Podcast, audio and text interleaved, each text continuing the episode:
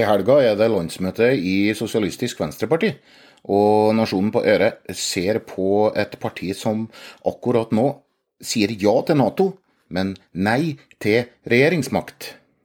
Noe har skjedd i det gamle, dogmatiske SV. Partiet går til landsmøtet i helga som et nokså konformt opposisjonsparti. Mediene har i betydelig grad slutta å spørre SV om partiet vil stille seg bak de ulike forslag som kommer fra mindretallsregjeringa Arbeiderpartiet, Senterpartiet. Ingen tror at SV har tenkt å sette makt bak noe krav til regjeringa uansett. Ingen tror at SV, før jula eller fellesferien ringes inn, vil gjøre noe annet enn å stemme for regjeringens budsjetter. Alternativet til å støtte regjeringa er å avsette den. Det vil jo ikke gi noen ny venstreregjering som SV kan gå inn i. Andelen som stemmer til venstre for Arbeiderpartiet, har knapt økt siden valget i 2021. Det er høyresiden som har flertall. Flere enn LO-leder Peggy Hesen Følsvik har tatt til orde for at Arbeiderpartiet bør ta SV inn i regjering nå. Det vil gi landet en rød-grønn flertallsregjering igjen. En god del urbane regjeringssympatisører er også opptatt av at SV vil være en motvekt til Senterpartiet i regjering. Dagens regjering tvangsdeler kommuner mer enn godt det, er oppfatninga her. Styremedlem Fredrik Mellem i Oslo Arbeiderparti mener at Senterpartiet boltrer seg i sololøp, mens Arbeiderpartiet lider. Enten bør SV inn eller Senterpartiet ut av regjering, sier han. Men fra SV er det taust. Det er ingen som viser noe brennende lyst på den regjeringsmakten som eh, partiet søkte forsøksvis i 2001, men som Senterpartiet nekta dem. De negative erfaringene fra forhandlingene på Hurdalssjøen hotell sitter friskt i minnet i SV. En regjering som inviterer SV inn, er en regjering som må skrote Hurdalsplattformen og forhandle på ny med SV. Og der, der er ikke Jonas og Trygve i dag er oppfatninga i SV. I stortingsgruppa er tonen at partiet får mer igjen i opposisjon enn i regjering. SFO og tannhelse er saker Arbeiderpartiet skryter av, men som SV opplever at det er dem som har fått forhandla på plass. Hva sier velgerne til det her? Ja, De sier OK, men ikke mye mer. Av hundretusener av velgere som har forlatt Arbeiderpartiet og Senterpartiet siden valget, har nesten ingen gått til partiene til venstre for regjeringa. Påtroppende partileder Kirsti Bergstø åpner for SV i regjering etter 2025. Da må det bli en bred samling på venstresiden, opplyser hun i Dagbladet. Ja, det stemmer.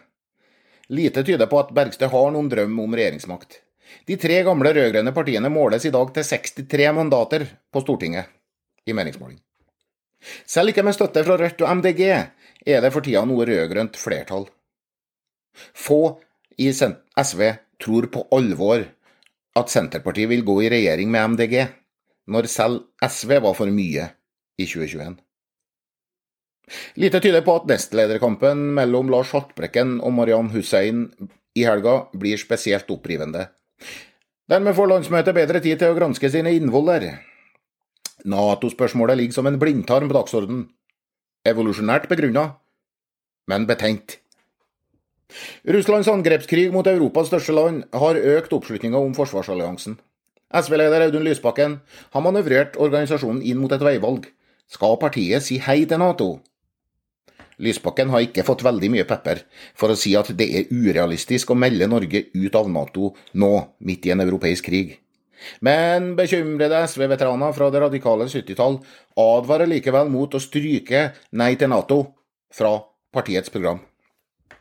Så lenge Norge er i Nato, så kan partiet jobbe for å endre NATOs, NATOs kurs innenfra, sier noen. Eller skal man bare sitte stille i den trygge kanonbåten og holde seg for nesa, for å unngå å inhalere svetten til det amerikanske mannskapet? Skal man følge med på ferden, men protestere for all verden gjennom å si Norge ut av Nato?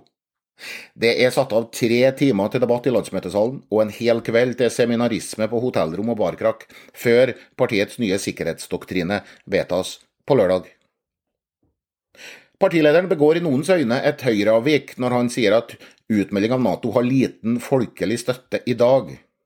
I drettige kretser er ikke korrekt sosialisme avhengig av folkelig oppslutning.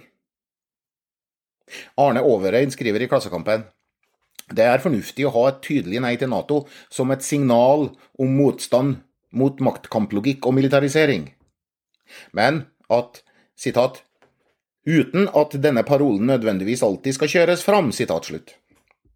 Et sitat som ikke skal kjøres fram. Der, altså. Hm. Når grunnprinsippene ikke passer virkeligheten eller velgerne, så kan de parkeres i bakgrunnen, inntil virkeligheten går over, formodentlig. Påtroppende partileder Kirsti Bergstø har ikke henta sin sikkerhetspolitiske ballast fra hovedstadens røde salonger.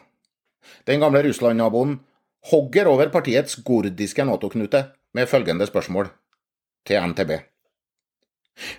Hvorfor beholde et programfestet mål som partiet aldri har fremmet for Stortinget? Hm.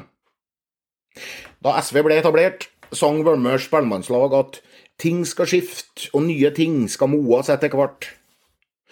Hans Rotmo hadde neppe sett for seg så, et så pragmatisk farvel til Nato-dogme i SV. Nasjonen på øret ønsker SV-ere og alle andre en fortsatt riktig god dag.